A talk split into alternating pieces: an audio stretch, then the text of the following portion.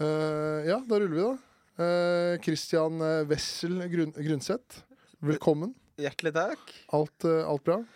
Jo, alt er, alt er bra. Jeg har hatt Ja. en hektisk dag, så jeg har uh, flydd litt rundt i dag. Jeg har fått veldig sånn hver, veldig hverdagstirsdag. Ok.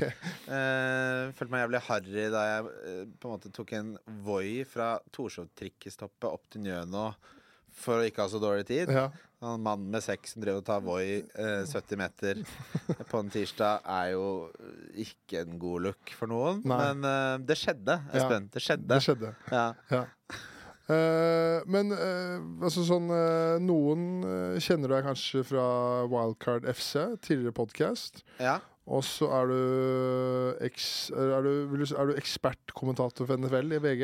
Eller er Ja, du ja, det stemmer det. ja, dekker NFL for VGTV? Ja, ja, av og til, da. Av og til, ja. Eh, Så jeg er litt ekspertkommentator for VG-sporten. Ja, riktig. Ja. Og nå er det en ny podkast, Wesselstuen. Stemmer. Ja, den ja. Så jeg riktig hvis den eh, debuterte på topp, eller? Alt det? Ja, altså Det er en sannhet med modifikasjoner. Fordi uh, algoritmene Det er jo ikke lyttertall. Nei. Eh, det er at eh, med en gang du lager en ny podkast som får, får en del femstjerner og sånn, så uh, er Apple som en um, velvildig forelder i at de vil på en måte oppmuntre de som prøver seg litt. Okay, ja, Så ja, det, ja, eh, ser Den var nummer én på Ja. Apple Podcast, bevare meg vel, men eh, det er jo med lyttertall som eh, ikke forsvarer det. Men det er jo, viser at det er en viss interesse, da, i hvert fall. ja, men det er fortsatt kult, da. Det, det er fortsatt så kult at jeg la det ut på Insta-story. Ja, ikke sant? la oss være så ærlig Ja, som ja, det. ja, jeg hadde gjort det direkte sjøl, jeg. Ja, men du må, lage, altså, må jo prøve å lage litt blest. Og så har det jo, har det jo vært eh, eh, litt sånn frem og tilbake på hva man skulle lage. Så når man først liksom har landa på noe, så er det jo gøy å, å måte løfte litt fram i lyset, da. Ja, ja, og så er det kanskje litt uh, Hvis uh, det er andre som ville også lage noe, så se her, se her, se hva dere gikk glipp av. Ja. ja, eller Eh, du tenker andre som kunne laget podkasten, som ikke gjorde det? Ja. Ja, det, eh, Kanskje et lite snev av det. Ja, for det, det, det er for jeg er i hvert fall så smålig at jeg hadde tenkt øh, få, det, få det frem. Ja da. Jo da, absolutt. Det, litt, litt sånn vil det alltid være. Vi er jo nordmenn. ja. Og så er du jo Du har jo da en uh, bachelorgrad i historie fra UiO. Stemmer? Ja. Ja. Så jeg har jo hatt uh, du, jeg, jeg er kanskje mer positiv enn deg da, til, eh, til det. Men jeg har hatt uh, lyst til å lage en, altså en episode som, om historie. Og ditt eh, favorittema, første verdenskrig. Er det, Ja. Vil du si det? ja, altså Det som er Det, det er ikke det på en måte um, studerte mest eh, da jeg studerte. Nei. Men eh, hvis jeg skulle sagt at jeg hadde en favorittkrig, så hadde det definitivt vært første verdenskrig. Ja. Ehm, så kan du jo si på en måte at de store eh, på en måte geopolitiske endringene andre verdenskrig førte til, og hvor omfattende det var, og sånn, så er jo det en på en måte objektivt bedre krig. Og jeg sier bedre, og da må dere skjønne at man kan si det når man snakker om kriger på podkast. Ja. Men eh, det gøye Eller det interessante og unike med første verdenskrig var jo på en måte eh, de enorme kontrastene ikke sant? I, i hvordan krigføringen ble ført fra tidligere. Mm. Uh, selvfølgelig da spesielt anført av den tyske, som uh, hadde fått uh, artilleri som vi ikke hadde sett tidligere. Så det er jo altså det beste bildet på første verdenskrig er jo de franske mennene i skjortler og sabler som eh, eh, løp mot de tyske maskingeværene og ble eh, myrdet i så mange så stort antall at du skulle tro den 600 000 mannen i skjortel og sabel ikke løp etter kompisen sin eh, Pierre. Ja, ja, ja, ja det. Man eh, lærer ikke, da. Men eh, eh, fordi man, eh, det er også Når jeg sitter og prøvde å forberede meg til episoden, så blir det også omtalt som den blodigste eller blodigste krigen noen gang. Eh, Ja, eller, eller er det en sannhet med modifikasjoner? Nei, det, det, det er jo definisjonsspørsmål, da. Ikke Ja. sant? Fordi da vil du ha de som sier at ok, men uh, hvor mange var det egentlig som døde pga. andre verdenskrig? Og så kan man jo trekke inn alle som døde pga. hungersnød osv. Men hvis du tenker på slagmarken, Ja. så var det jo den blodigste. ja. For det var jo um, så mange slag hvor det rett og slett bare var slakting av folk som ikke hadde utstyrsmessig mulighet til å gjøre noe annet enn å bli slaktet. Ja, ja, ja, Så sånn sett så var det Jeg kan, jeg kan være med på påstanden om at det var uh, den verdens blodigste krig. Så vi ikke skal tilbake til sånn Djengis Khan og sånn. Ja, ja, det, det var hakket hakket verre igjen. uh, men jeg tenkte kanskje det hadde vært uh, Kanskje interessant å starte med liksom litt sånn bak Altså Man har jo lært på skolen skuddet, skuddene i Sarajevo eh, og så må vi snakke bare sånn litt bakenforliggende årsaker på uh, hvorfor krigen brøt ut før man går inn i selve krigen. Ja, det kan vi selvfølgelig gjøre. Ja. Uh, skuddene i Sarajevo er jo selvfølgelig det alle lærer. Mm. Det, er, det er jo en sånn knagg som på mange måter er veldig fristende å henge alt på, da. Fordi For det første så klinger de jo veldig bra. Skuddene i Sarajevo Det er liksom debutromanen til en litt sånn eh, hipsterløkka-fyr som har et amfetaminproblem, på en måte. ja, ok, ja. Eh, men eh, realiteten, slik på en måte den gjengse historiske oppfatningen, er jo at dette bare på en måte var en bitte liten fyrstikk på et bål som uh, allerede var stelt i stand. ja.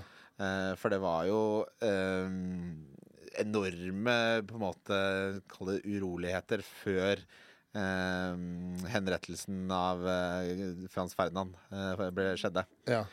Eh, og det var jo da Balkan spesielt, hvor det var eh, veldig, veldig mye uroligheter. Eh, og det hadde vært i mange år før disse skuddene, så det var liksom litt sånn man venta på en utløsende hendelse, da.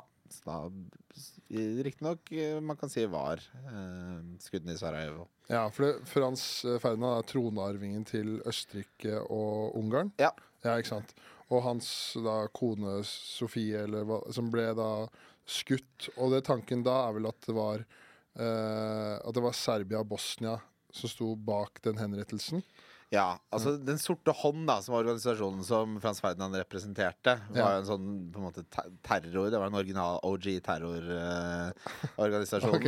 Så fordelen med det var jo Og det var jo serbisk, Mm. ikke sant? Eh, en serbisk organisasjon. Men fordelen med et sånn type assassination er jo at eh, de som er interessert i at en konflikt skal oppstå, eh, kan jo gjerne bruke sånne ting eh, til sin fordel. da Altså Ja. Du kan jo ilegge Det er jo det diktatorer gjør overalt. De eh, bruker et mord eller en hendelse, og så legger de det på den parten de ønsker at skal være mm, På en måte En part de ønsker å le legitimere og på en måte starte en konflikt med. da Ja, Så de venter egentlig bare på siste fyrstikken skal knekke Ja, altså nå er jo ikke jeg Det er nok litt forskjellige meninger om det. Det er Ja. jo sånn som Nå skal ikke jeg for, forgripe den historiske virkeligheten, men denne tanken om at starten på andre verdenskrig var første verdenskrig, det er det også uenighet om, ikke sant? Så det er jo forskjellige historiske tolkninger her, men eh, For å si det på en annen måte, da, Espen. Hvis ikke skuddene i Sarajevo hadde skjedd, hva, altså, det kunne skjedd noe en uke senere som bare var en uh, lignende hendelse. Ikke en henrettelse, men noe annet som ble brukt som et påskudd for å starte konflikten. da Ja, Så konflikten uh, første verdenskrig hadde mest sannsynlig startet uansett. Om han ble henretta eller ikke. ok, er ja. litt dit jeg vil hen, da. For det, det som var gøy, gøy blir kanskje feil å bruke, men det, altså, det, var så mange, det virka som det var så mange av de kongene og tsarene og sånn som bare gikk bare venta på at det skulle skje noe. For det var jo, jeg så for eksempel da han eh, Han som var da blir det konge av Frankrike. Ja. Han var da født og oppvokst i et område i Frankrike som Tyskland hadde erobra. Mm. Eh, og så var det da tsaren i Russland hadde han syk sønn som var redd for at tsarrekka skulle brytes. Det var så mange forskjellige ting som liksom bare ulma, da. Ja, og så var det jo Dette er jo kjent som liksom alliansekrigen, da, ikke sant? Mm. For det var jo så allian eh, mange allianser på kryss og tvers at når disse tingene ble satt i gang, så var det eh, det var så mange som hadde lovet hverandre at de skulle beskytte hverandre, at eh, det, eskalerte jo veldig fort, da. Ja, ikke sant? Ja, Ja, igjen Det blir litt hopping i tid her. Ja litt ok, du, du styrer Ja, det er bare sånn fordi Men det er jo Det var jo eh, Altså, det var store deler av uh, På en måte å kalle det Europa, det ottomanske eh, empire, holdt jeg på å si. Uh, og mange av de som hadde vært lenge, hadde Var jo truet av ustabiliteten i Balkan. Og det som man på en måte så her litt, var jo et sånn ikke generasjonsskifte, men litt sånn herskedømmeskifte, da. Østerrike og Ungarn også er jo liksom, var jo også ganske ute etter en felles fiende, på en måte, for å konsolidere makten sin. Ja. Ja.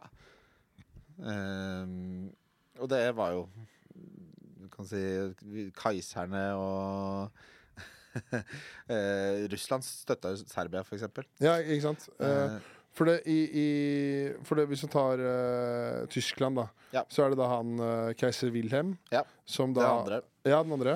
Som, uh, som blir riktig å si at han på en måte har vært sjalu på f.eks. Frankrike og Storbritannia, som liksom har vært kolonimakter og større områder. Ja, ja. Det, det, vil, det kan man absolutt si. Ja, Ja. Og så er det da at han har en slags frykt for hva som kan skje, i og med at det er da blir da Frankrike, Storbritannia og Russland har gått inn i en slags uh, allianse, da. ja. Ja. Eh, riktig. Ja. Og, var, men det var jo en del sånn bakavtaler her også, da. ikke sant? For Ja. sånn som eh, Keiser Wilhelm ga jo Østerrike og Ungarn eksempel lov til å gjøre hva som helst eh, hvis det ble krig. Okay, ja. Og ga de liksom eh, Tyskland kommer til å støtte dere uansett. ja. Men han, det var liksom i skjul. Ok, så ja. ja, så uh, på en måte Østerrike og Ungarn sendte jo da uh, et ultimatum til Serbia med sånne Med på en måte um, Hva skal vi si Betingelsene var jo sånn at Serbia bare måtte akseptere det eh, Nei, at de ikke kunne akseptere det. Så det måtte bli krig. Så, Ja. så Østerrike og Ungarn da har opplevd et angrep fra Serbia. Har i det stille fått støtte fra keiser Wilhelm. Og så, med det i ryggen, er da så selvsikre at de sier til Serbia OK, at dette er liksom eh, betingelsene. ja. For, at For det var, eh, det var sånn, eh, ganske urimelig i tillegg til at Østerrike og Ungarn ville da inn i Serbia for å etterforske drapet på Ja, det var ja. ja. ja. riktig. Eller er det ja, Jo, det er riktig. Ja. Og så må det igjen Jeg har eh, ikke alle detaljene på dette. her, Nei, nei, nei, Så du må ikke pushe meg for mye på alle detaljene, for det kan jeg ikke. Så alle detaljene fordi det, altså, eh, Men de store linjene skal jeg stort sett ha kontroll på. Ja. Eh, men det var jo liksom Altså, det tok jo en uke, da, ikke sant? Fra dette her skjedde til eh, Du hadde Russland, Belgia, Frankrike, Sto Storbritannia og Serbia mot Østerrike, Ungarn og Tyskland. Ja. Og det tok en uke fra skuddene falt til eh, showet var på veien, holdt jeg på å si. ja, ikke sant. Jeg gjør ikke narr av de som døde i første verdenskrig. Altså, men jeg føler at Når det har gått så langt over 100 år siden folk Du- døde, så syns jeg man skal kunne kødde litt. Ja, du, det er, eh, det er bare hyggelig. Altså, Det er utløpsdato på kødding. Ja, Eller altså, eh, det- før man kan begynne å kødde. Ja, det er ikke too soon på første verdenskrig. Eh, så det er, det er eh, Jeg føler er ganske fritt, eh, fritt spillerom der. Ja, ikke sant? Men OK, så da så fra det går en uke, Ja. og da det, det som skjer Blir riktig å si at da er det Østerrike og, og Ungarn? De prøver å gå inn da eh, i Serbia? Ja, Ja. du kan jo si Men du kan jo si, altså eh, Det første store slaget i første verdenskrig, det var jo i Belgia. Ja. Hvor tyskerne gikk inn. Ja. I Liège, ikke sant. Det, det er jo da i august, og da eh, Skuddene falt vel i juli. Eh, nå husker jeg ikke det nøyaktig. Um, og det, det som var unikt da, var jo at folk visste jo ikke hvor kraftig våpen Tyskland hadde. Nei. For det, det hadde, ingen verden, hadde jo ikke verden sett før. Så det var jo nesten som en slags Nesten som et TV-spill eller noe sånt, hvor du hadde Liège, som er en sånn middelaldersk eh, by med borger og festninger og sånn, som man trodde var eh, umulig å på en måte erobre. da Ja. Og så kommer den tyske krigsmaskinen som de har bygget opp i det stille, og eh, på en måte viser noe man aldri har sett før. Og så er det jo eh, på veien inn til Belgia, ikke sant, var, eh, så var det jo ikke som om det gikk stille i dørene heller. Nei. De, det var nesten som de Altså Når du har den type våpen, så de etterlot seg jo enorm ødeleggelse og død eh, de stedene de ville angrepe. Angripe ja.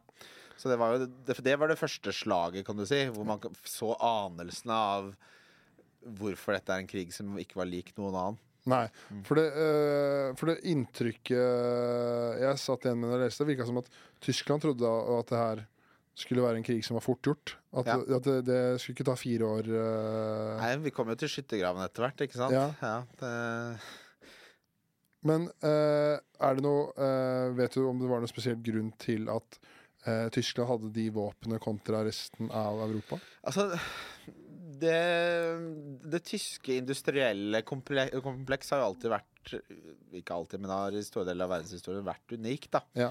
Eh, så når de da på en måte fant ut av hvordan de skulle produsere disse våpnene, så hadde de en evne til å på en måte mobilisere produksjonen i en skala eh, som ingen andre i Europa hadde tilgang til. Mm. Eh, og det har man jo sett um, i, altså i, i nyere verdenshistorie, at når Tyskland mobiliserer til å produsere krigsmateriell, så det er liksom det de kanskje er best på i verden. Bortsett fra regler, kanskje.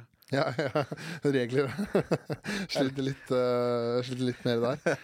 Nei, regler er de også veldig glad i, da, Ja, tyskerne. Ja, ja, ja, ja. Er, er regler og byråkrati og mobilisere til krig, da. Ok, ja, ja, ok. Hvis du skal si en topp tre. Topp tre av Tyskland der. Uh, ok, så det, okay, men så da, da er det Det første da, i, som skjer, er da som du sier, i Belgia. Mm. Og så er det da er det videre da det som skjer mellom Øste, eller Østerrike, Ungarn og i Serbia. Ja. Og er det da riktig å si at uh, parallelt med det, eller er det senere når da Tyskland uh, begynner å bevege på seg?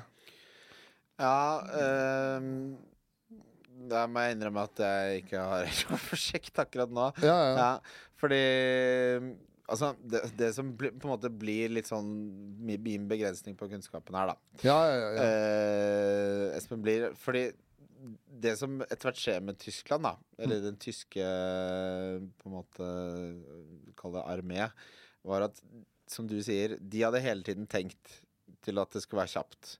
Og når de da endte opp med å måtte ha flere fronter i krigen, ja. så dro jo dette her eh, ut, tross deres uh, uh, overlegne på en måte militære Uh, utstyr. uh, nei, eller uh, Jo, utstyr kan du kalle det. Ja. Så hva var det du sa, Østerrike og Ungarn, hvor Mm. de var i forhold til Nei, altså det er Østerrike og Ungarn de går da inn i Serbia mm, for å starte krigen der. Mm. Og så lurte jeg på hva Altså hva er Tysklands neste trekk altså etter, etter det, da? Altså hva hva er det første Tyskland foreslår seg etter Belgia? Ja, nei, altså det, etter eh, De møtte jo på motstand, da. Ja.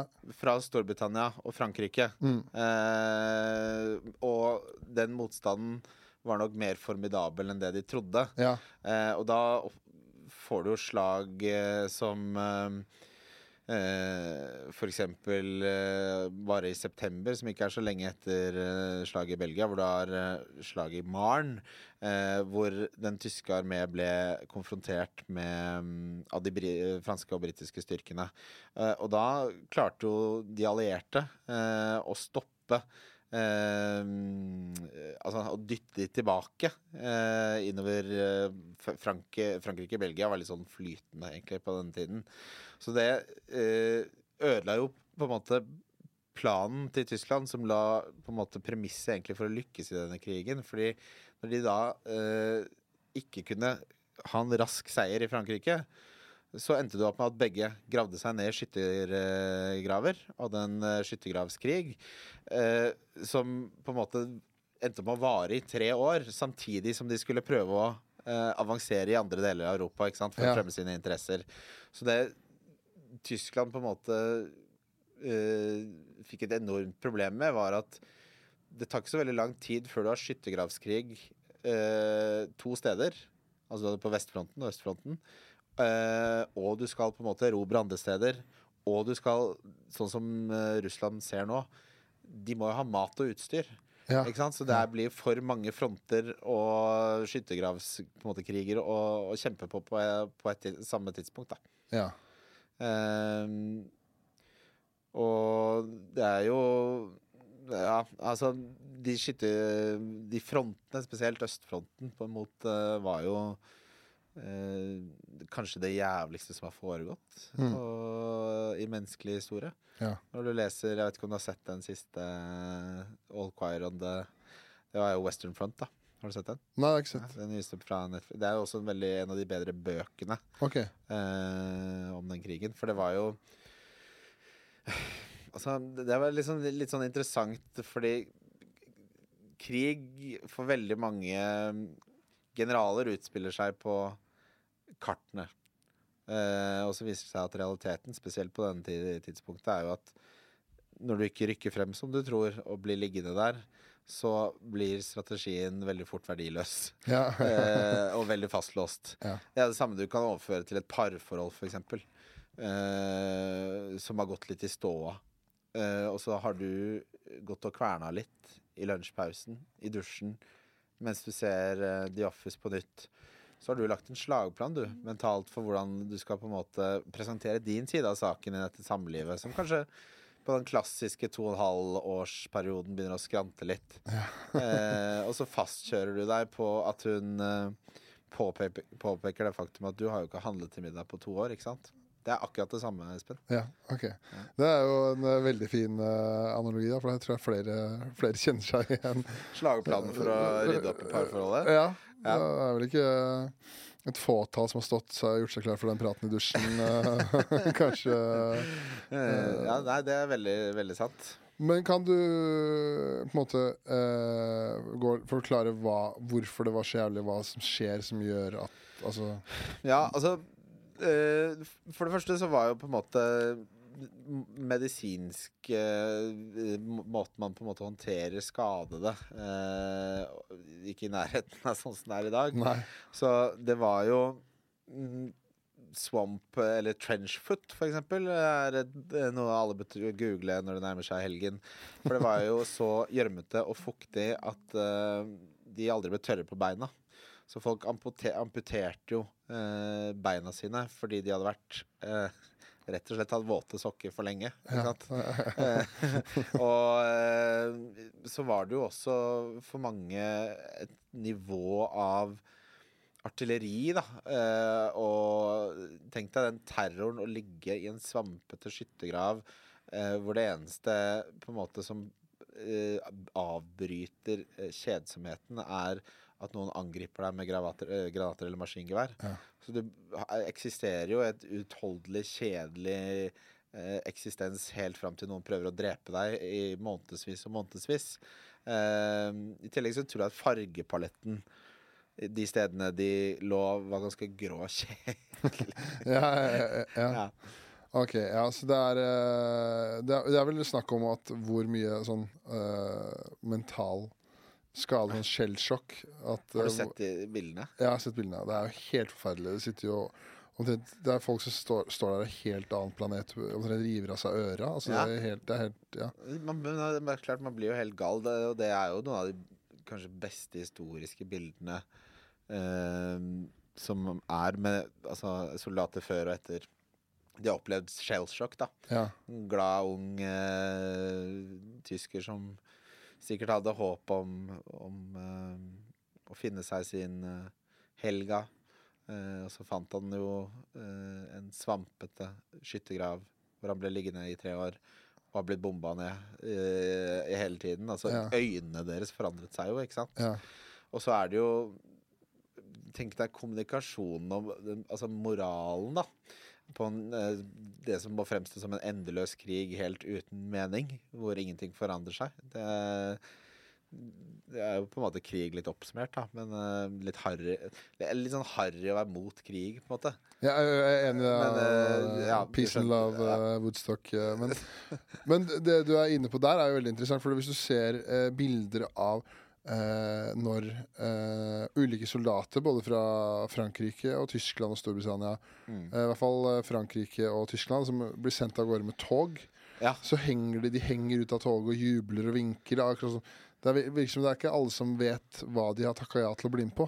Absolutt. Og det er jo det, De ble jo lovet på en måte ære, og at dette Og så Nå vil jo Altså, alle vet jo hva du på en måte går til i en sånn situasjon, eh, men på en måte kommunikasjonen fra de som hadde vært da, på frontlinjene tilbake Det var ikke som om det på en måte ble viden kjent hvordan det faktisk var Nei. i den, denne krigen, før det, før det hadde gått ganske lang tid. Så, så ganske lenge etter eh, krigen hadde begynt, så var det folk som fortsatt dro og trodde at dette her skulle gå ganske greit for seg. Det var ingen som trodde de skulle i en skyttergravskrig eh, før etter hvert, selvfølgelig, så vil jo på en måte datidens eh, telegrambyråer og etc. få kommunisert dette til, til de respektive landene. Men eh, det, det var jo en helt ny type krig som no, veldig mange ikke visste hva det gikk til. Ja. Ja. Og så kan jeg også se for meg at eh, når du skal rekruttere nye soldater uh, i mangel fordi det er så mange som dør, så er kanskje ikke den uh, Det er kanskje ikke den, uh, den reklamekampanjen de kjørte at det var skyttergraver i tre år og sump, da. Nei, det, det kan du det, håper jeg. Jeg håper de var litt mer kreative enn som så. Ja. Nei, absolutt. Men det er jo litt sånn Altså Du kan jo på en måte trekke paralleller til en viss grad nå til noen av de russiske som blir sendt uh, til frontene i Ukraina nå. Mm. Så du ser, Det er ikke så lenge siden de adopterte en ny strategi, eksempel, hvor det er at de skal rykke fram for å avsløre artilleriposisjonene til Ukraina. Det er menneskelig slakt, egentlig. ikke sant? Så har Ukraina bedre utstyr, sånn var det ikke på den tiden, men uh, som gjør at de blir, vil bli jo bare myrdet i bølger Ja. eh, gang på gang, og så må du rekruttere dårligere og dårligere trent, dårligere og dårligere motivert, eh, og eh, altså på en måte Det du etter hvert fikk, var jo på en måte de menneskene i ytterkanten av samfunnet da, som ikke hadde noe å tape egentlig på å dra i krigen. Men nå snakker jeg selvfølgelig over lange linjer, da. Ja, ja, ja, Men eh, det er jo utrolig at i 2023 så ser man visse likheter på en måte med hvordan eh, Russland behandler soldatene sine. ja det er skremmende, skremmende tenke Ja, skremmende. For jeg så jo også det at eh, i Storbritannia under eh, eh, første verdenskrig, så var det ikke noe allmenn verneplikt. Nei. Så da, de starta da med det var 100, altså Når krigen brøt ut, at det var 100 000 soldater i Forsvaret, så måtte de ut og rekruttere da Så det ble over en million. Ja. Og det er klart at da er det mange som uh, får seg en uhyggelig overraskelse når de holder gevær og er ute på slagmarka der for første gang. Ja, første gang du hører noen skyte mot deg, liksom. Ja, det er, det er eh, Ja. For jeg tror, altså jeg tror liksom Jeg, jeg tror veldig mange menn, eh, og kanskje noen kvinner, jeg har ikke så mye kunnskap om, men har en litt sånn romantisering av det å være Å krige. ja. Eh, og så eh, er det svært sjelden det er veldig romantisk. Ja, men man, man tenker jo det, jeg har, eh, Alle har jo de kompisene som er sånn herre Som hvis du ser på UFC, for eksempel. Ja. Altså, jeg, det, det, ikke, det kunne jeg fått til. Altså, ja, det er klart. Altså, det er jo ofte at Jeg føler ofte mm, den selvtilliten til menn ofte er på en litt annen planet da, i forhold til hva realiteten i, no, i noen tilfeller er. Altså, Den morsomste undersøkelsen jeg har sett på det, er at de spurte amerikanske menn eh, forskjellige dyr de trodde de kunne drept med sine eh, bare hender. Ja. Eh, syv av ti amerikanske menn tror de kunne drept en bjørn med hendene sine. Syv av ti! Og jeg ser for meg liksom Joe Schmo som er Altså, håndverkere tror jeg har større sjanse, men se for deg en som jobber som sosial mediekoordinator i, i Ohio. Facebook, ja. ja. I Ohio. Ja, Så bare Hvis det kommer en bjørn Jeg tror jeg kunne tatt den. ja. Det er egentlig bare at 70% av amerikanske menn er idioter, da. Det- Ja, men er ikke 70% av alle menn idioter? Jo, det er for så vidt et godt poeng. Jeg, jeg tror liksom kanskje det er enda høyere grad òg. Ja, det kan nok eh, Jeg kan si meg enig. Sånn, jeg tror det er low estimate å si at 70% av mennene er idioter. Ja, ja. 80. 80. Da er vi inne på, da er noe. Vi nærmer oss. Eh, men ja, også Altså eh, Du som er som en fersk nå jeg, Altså, den beste kilden på første verdenskrig Nå husker jeg det, jeg studerte jo dette her for 14 år siden. Ja, ja, ja. Og da, eh, Min favorittkilde til dette her er jo den, kanskje den beste serien med podcaster som er eh, laget. Som er eh, Dan Carlin, som ikke Ja. er ja, eh, Blueprint for Armageddon. Mm. Eh, og det han er veldig god på, er jo altså sånn, For som lytterne hører, så de store på en måte strategiske utviklingene og kronologiske mellom de forskjellige allierte og Axis-kreftene, det er ikke min styrke. Eh, og det jeg syns nesten er mer fascinerende i beskrivelsen av dette er sånn som Dan Carlin bruker jo så mye tid på å bare beskrive hvordan det var for soldatene. Ja, på ja. Ja. Mm. Eh, så jeg, for å snu det litt, da, Espen ut, sånn Etter starten av uh, utbruddet av første verdenskrig, var det liksom hovedinntrykk av de strategiske trekkene på hva som skjedde? Jeg, jeg vil jo det, det inntrykket jeg sitter med, er egentlig det, litt det du sa i stad. At det er ledere som sitter og bruker egentlig da ikke nødvendigvis trente soldater som sjakkbrikker Mm. på et brett. Og det er veld, veldig sånn holdning av at uh, koste hva det koste vil, vi skal opp og fram. Ja. Jeg så jo blant annet når jeg forberedte meg til her, at det var eh, da en eh, tale av en keiser Wilhelm 2. Ja. Som eh, var at vi gir oss ikke før den siste mann og hest drar det siste åndedraget. Ja. Og det, så det liksom det, det virker som det er blant de lederne i Frankrike, Russland, Tyskland, Storbritannia at det er veldig mye sånn uh, prestisje pga. den uh, prestisje om å liksom være størst og mest og best. Så det spiller egentlig ingen rolle hva som skjer uh, med folka i landet, så lenge de kan sitte igjen selv med mest mulig makt og ære og havne i histori historiebøkene. Ja, og der spiller jo på en måte på, Du kan kalle det bakteppet for ver verdenskrigen inn også, da. Fordi dette var jo på mange måter prestisjeprosjektet til mange enkeltledere Ja. i forskjellige herskerdømmer og eh, hva du vil kalle det. For en sånn eh, egenrådig, eller liksom sovereign nation, som vi kaller det i dag, så var det mye mer flytende allianser på kryss av Østerrike-Ungarn. Altså, det, det var et eh, mer sånn eh, hvert, altså, hvert enkelt land sitt på en måte uavhengighet og selvfølgelig demokrati, eh, som, er, som det ikke var veldig mye av da. Nei. Men så dette ble på en måte en krig som ble preget av at det var prestisjeprosjektene til mange måte, eier, nei, herskere som var litt på vei ut. da. Ja. Eh, og det gjenspeiles jo i de enorme eh, menneskelige tapene man hadde, hvor, som du sier, man kastet jo bare menneskeliv på forskjellige slag, eller på forskjellige offensiver. Og når den ene strategien ikke fungerte, eh, sånn, så bare prøvde man en annen retning, og kastet 200, men, eh, 200 000 menn den retningen isteden. ja. Og sånn på en måte pågikk det eh, til man endte opp da eh, med å få på en måte kanskje den verste fredsavtalen i verdenshistorien. ja det, etter, ettertiden har vel kanskje vist det at det, Ja, og, men der, der også er det litt sånn der Jeg er litt litt sånn kontrær, for sånn som min eh, historieprofessor på Blindern, eh, som heter Geir Lundestad, som sikkert mange kjenner til, han var i Nobelkomiteen, og han er veldig sånn Han har møtt eh, Møtt alle presidentene og har vært på møte nærmest med Hitler. Nå overdriver jeg, men Ja, eh, han er på det nivået, da. Okay, ja. Og liksom den aksepterte historiske konsensusen er jo dette med at uh, Versailles-traktaten bare var uh, starten på andre verdenskrig, ikke sant? Ja. Betingelsene var eh, så overdrevent harde mot eh, spesielt da Tyskland, som gjorde at uh, Tyskland som nasjon følte seg urettferdig behandla. De ville aldri få muligheten til å bygge opp noe igjen. Inflasjonen kom til å gå til helvete, eller stige til helvete. Hungersnøden osv. At de måtte gjøre noe i andre verdenskrig. Uh, men så er det de historikerne, og nå nevner jeg ikke kilder spesifikt, for jeg ikke husker hva de heter, men som argumenterer for det at uh, hvis man ser på på en måte betingelsene eh, satt i lys mot hvem som var den aggressive part her, eh, så er det kanskje litt lettvint å si eh, Å bygge det historiske narrativet at det definitivt eh, Versailles-traktaten var starten på andre verdenskrig. Da. Ja, ok, ja.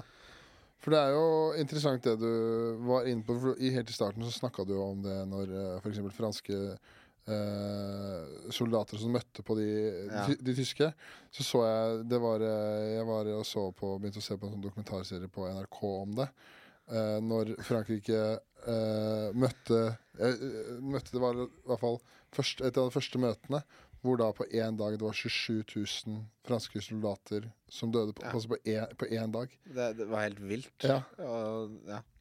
Så det er liksom bare forteller liksom det at Og det, det er ikke noe sånn at det satt noen stopper for videre Altså, det var ikke det var ikke det at landet demper på krigsstemninga for de som leda landet på noen måte, det?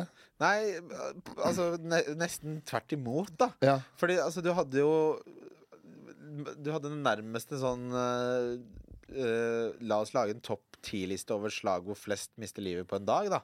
Uh, og det var en sånn gjenganger. At du hadde så store mismatcher. At de slagene hvor den ene var veldig underlegen, så slaktet de jo en by på størrelse med Ski per døgn. ja. Jeg tenkte, Eh, ja, nå setter du sånn perspektiv. Jeg tenkte, ja. ja, ja, og Ski er en by. Ja, ja, ja, ja. Så, så, men det er bare så vidt, da. Men Ja, det spørsmål om du definerer en by. ja. Eh, Hvis, hvis mange nok bor et sted til at hvis de blir drept på én dag i et slag, så ville vi snakket om det på en podkast. Da er det en by. Der er du inne på noe. det er, eh, ja. Hjemstedet mitt er, det er akkurat ikke en by, det. Altså, det er, eh, det er Det noe er, for det er, eh, det er eh, på tomter. Tomter? Nei, jeg aner ikke. hva ja, oh, ja, er. nei, eh, nei, det er vel det er på det vakre bondelandet en time utenfor eh, Oslo. Ah, ja. Du er fra Lunder, du. Ja, nesten, ikke helt, men Årnes. Årnes, ja. Ja, ja, det er det faen meg den reaksjonen man får hver gang. Årnes, ja, faen. ja. Hvorfor reagerer folk sånn på det? Nei, jeg vet ikke. Det er, vel, det er jo noe stigma, stigma da. Ja, det er, ja nei, Det er det, det, jeg syns det høres trivelig ut å være fra Årnes. Ja, altså det jeg, La meg, si, la meg si det sånn, da. Jeg var på ferie i Marmaris, Tyrkia. Mm. Og du vet når du er på ferie som eh, sånn 10-11-åring, så er liksom først, din første på en måte prioritet og øvre, eh, første målsetning er jo å finne noen på din alder som du kan leke med. Gjerne kanskje ha det gøy og sånne ting. Og da møtte vi en annen familie hvor, som var fra Årnes. Og dette er hele mitt referansegrunnlag for hvordan Årnes er. Hvor de hadde tre gutter som eh, var sånn 8, 10 og 12. Alle var tjukke. Eh, alle fikk spise hva de ville hele tiden. Det la jeg merke til. Eh, og så fikk alle bleka håret sitt sånn som Eminem i The Slim Shady. Så de gikk jo rundt der i Marmaris og var veldig fra Årnes. Jo, Og det har, ja, det har satt seg for eh, 20, 24 år senere. Da. Men Ja. du er ikke sånn. Nei, jeg har vel Jeg, jeg skal ærlig innrømme at jeg var eh, Jeg har en eller annen heftig frisyre når jeg kom hjem fra Spania med noen bleike tupper der. Men ja.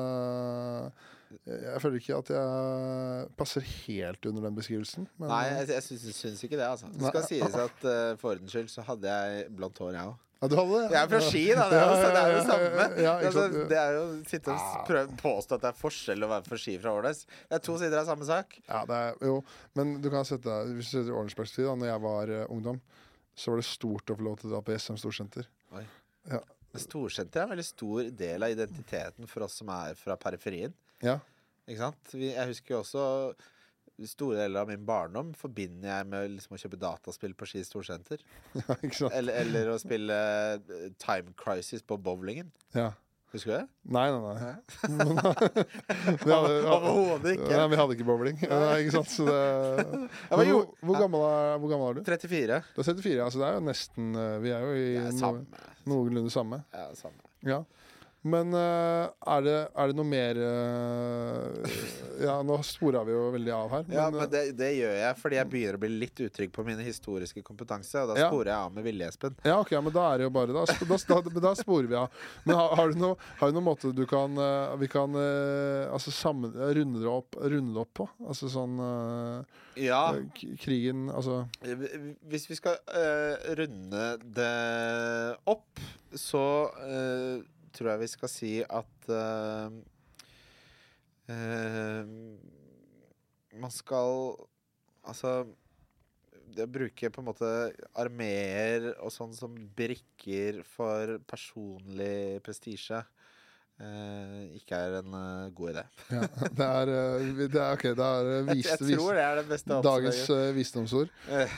Me, ta, bry deg litt om menneskeliv. Og så kan vi jo si altså, Det gjorde mye for USAs rolle i verdenssamfunnet. Ja, det, ja, det kan vi ta. ja, Ja. Og så kan vi også si at det ledet til et litt annet syn på altså nasjoner med sin uavhengighet. Ja.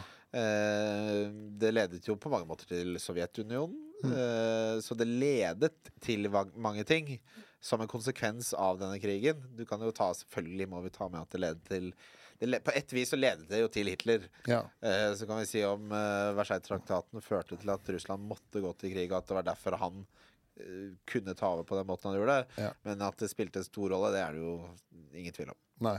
For, det, for de som ikke vet det, så hvis jeg har forstått riktig, så er altså Hitler er slags under første verdenskrig er et slags mellomledd mellom lederne og soldatene. Ja. Uh, er vel ute på slagmarka da Ja. Eh, Altså Hitler? Ja, Ja, ja. Men han var ikke noe godt likt. OK, nei. Det overrasker mange. Nei. Nei Det er så billig! Nei, men, men som, altså, i uh, I hæren jeg syns det var gøy. ja. eh, I hæren så ble han sett på som en litt sånn tom, tomsing.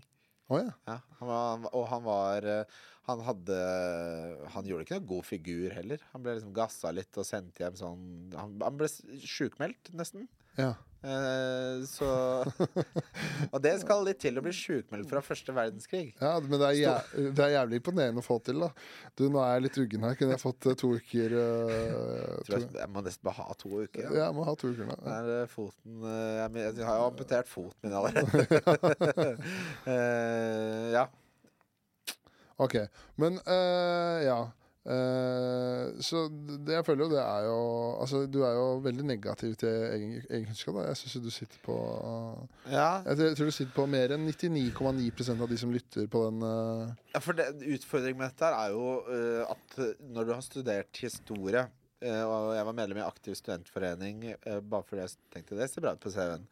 Er at når du møter da noen som virkelig kan mye om det, så kan jeg 2% Ja, ikke sant? Så jeg er litt sånn uh, Av respekt for de som virkelig har dette som uh, sine hovedinteressefelt, selv om det selvfølgelig ikke er et grønt flagg personlighetsmessig, så har jeg veldig respekt for at uh, dette blir veldig eh, sånn Eller ja, det blir mer som en sånn En som på en måte Hvis du skal si Du har fuglekikkere, ikke sant?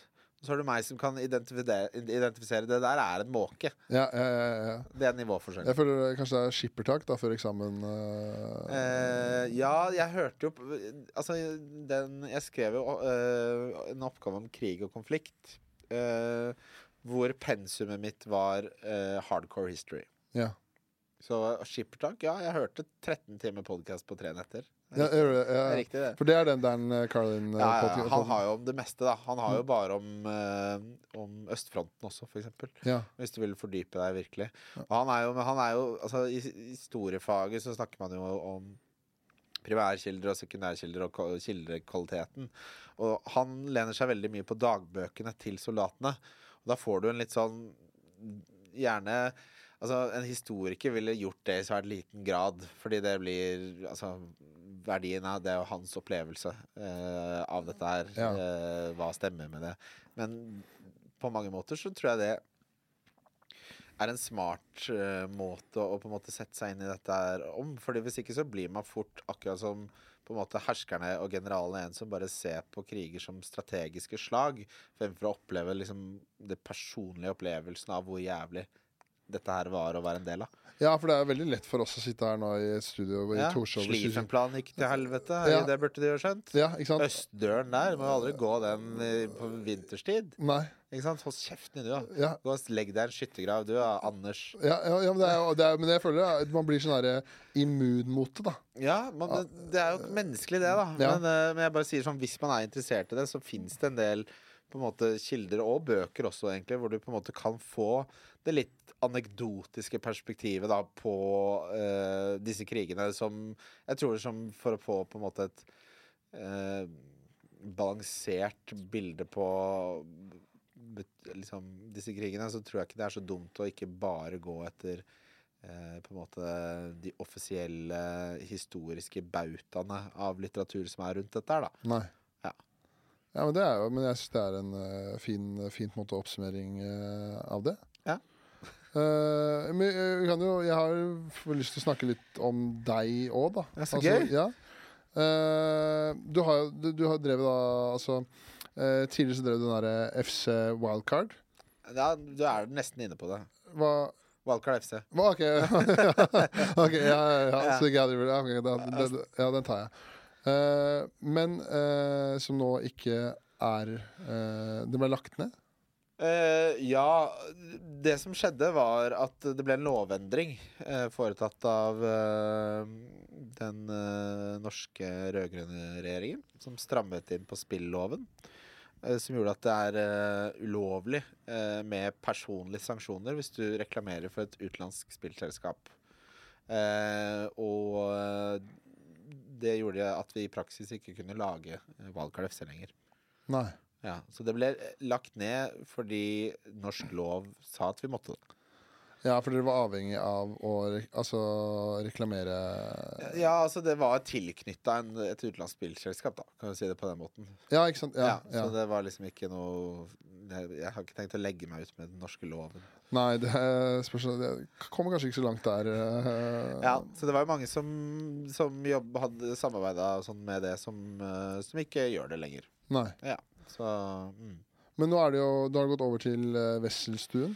Ja, altså Tanken var jo egentlig uh, Det har jo vært litt sånn uh, Jeg lagde jo lenge sammen med Kim Mitley, en uh, som veldig morsom mann, som er mye bak kamera, men som nok kanskje er Det er, det, det er, er det han bordtenniskameratene Ja, han ja. som er, lager det nesten aleine sammen med Jonas. Ja. Ja. Eh, og vi lagde det jo sammen, og eh, hadde nok litt lyn i en flaske på kjemien oss to imellom. Mm. Og så eh, fikk han en annen jobb hvor, eh, hvor han ikke kunne fortsette eh, med å gjøre andre ting samtidig. Han kunne ha den ene jobben av gangen, og da eh, lagde jeg det en periode med, med en som heter Ole Tjøme, som var, var kjempeflink, men som var eh, Jeg merka liksom at eh, det, det var en unik kjemi da med meg og Kim, og så lagde vi det, uh, lagde vi det periode. Og så kom jo denne lovendringen, så da har jeg vært litt sånn Jeg må finne ut litt hva jeg vil lage. Og jeg har jo laget podkaster nå i fem år, og uh, det var litt deilig å ikke lage noen podkast Ja. uh, i tre måneder. Og så begynte jeg å savne det. Eh, så Wesselstuen er jo da basert på at det vi skjønte etter hvert, var jo at den opprinnelige måte, tematikken for podkasten var jo fantasy. Mm. Fantasy-fotball. Men jo lenger vi holdt på, jo mindre interessert var folk i det.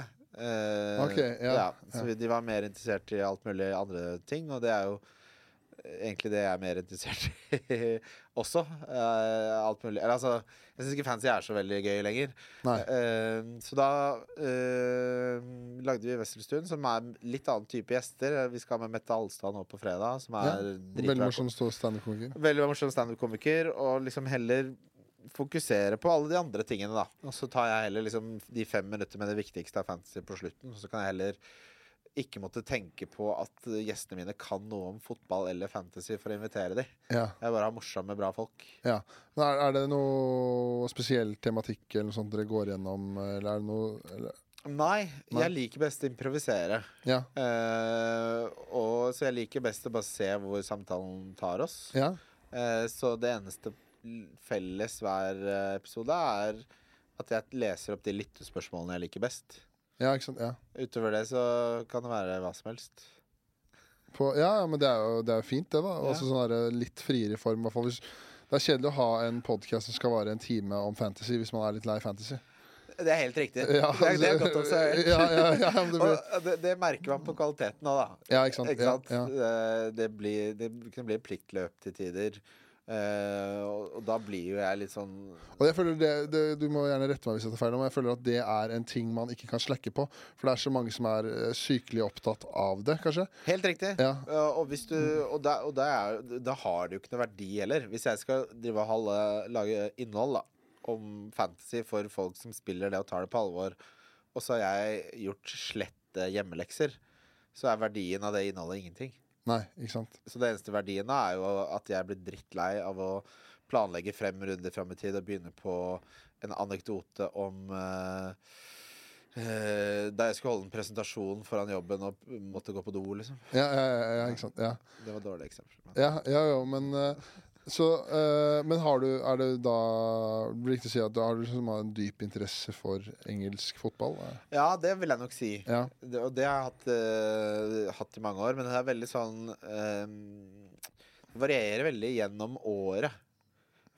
hvor inter mye interesse jeg har. For jeg kan få perioder hvor jeg er veldig på, og så kan jeg få perioder hvor jeg finner på noe er, interesserer meg veldig for noe annet. Så jeg tror, nok, jeg tror kanskje jeg har ADHD. Det skal man ikke selvdiagnosere, men uh, det er veldig sånn. Det er veldig, veldig av og på for min del. Ja. Ja. Men har du noe, har du noe laga? Newcastle. Du har Newcastle? Ja, Ja. ja faen, hva Det er jo litt interessant. Hva Er det det? Ja, men, jo, det er det, da. Eh, hva, altså, eh, for de som ikke vet det, så har de nye eiere. Og så sånn uh, Drar jeg deg inn i noe du ikke vil snakke om nå? Nei, nei, Nei, jeg kan snakke om hva som helst. Jeg bare syns det er veldig morsomt. Og, og for de som ikke har fått med seg det, så har Newcastle fått nye eiere. Ja, ja, ja, ja, ja. Ja, Ja, ja, ja, det er, kanskje Alle vet kanskje det. Men uh, Uh, har du noe syn på forhold, forhold til det? Uh... Ja, men jeg, jeg snakka jo Jeg snakka mye med Kim om det. Altså, hvis, fotball er jo ødelagt, egentlig, for alle hensikter og formål. Eh, engelsk fotball er ødelagt. Eh, Champions League er ødelagt av penger og av eh, forferdelige stater som har masse penger og bruker det til å sportsvaske. Og så har jeg tatt et moralsk valg om at det, eh, bare bryr jeg meg ikke noe om. Nei, nei. du så, du så fotball-VM? Eh, nei, oh, nei, okay. ok. det, det gjorde jeg ikke, men det var mest fordi eh, Jeg syns ikke det virka så spennende. Nei. Eh, hadde det vært Hadde det vært Qatar-VM i Brasil, Ja. så hadde jeg sett på. Det hadde du sett på, ja. ja. Det, er ikke, det er ikke så bastant Uh... Nei, nei, men altså, det var litt sånn Der hvor jeg tidligere kanskje ville sett en kjedelig kamp, da, så så jeg den ikke fordi det var litt deilig å ha, ha den Qatar-VM altså, som en unnskyldning for ikke å se kjedelige kamper, da. Ja, ja. Men det, det er ingen tvil om at altså hvor- Altså At de rikeste kan kjøpe alle de beste spillerne og sånn, ødelegger jo Ødelegger, ja, Akkurat som når du Hvis du spiller TV-spill, da. Spiller du det? Uh, ja, jeg må, jeg, jeg, det Problemet mitt er at når jeg begynner å spille, så blir jeg avhengig. Ja, det er sunt, det. Ja, Det er, det, det er jo det man vil ha. ja ikke sant? Jeg liker å bli avhengig av sånne ting. Ja, så, Men problemet er at jeg, jeg, har- jeg, har, jeg har ikke en posisjon hvor jeg kan sitte og spille seks timer med Fifa på kvelden. Nei, du har ikke tid til det. Nei. Nei, det har ikke jeg heller. nei. Så det blir, Eh. så det blir sånn her, jeg blir sånn enten-eller.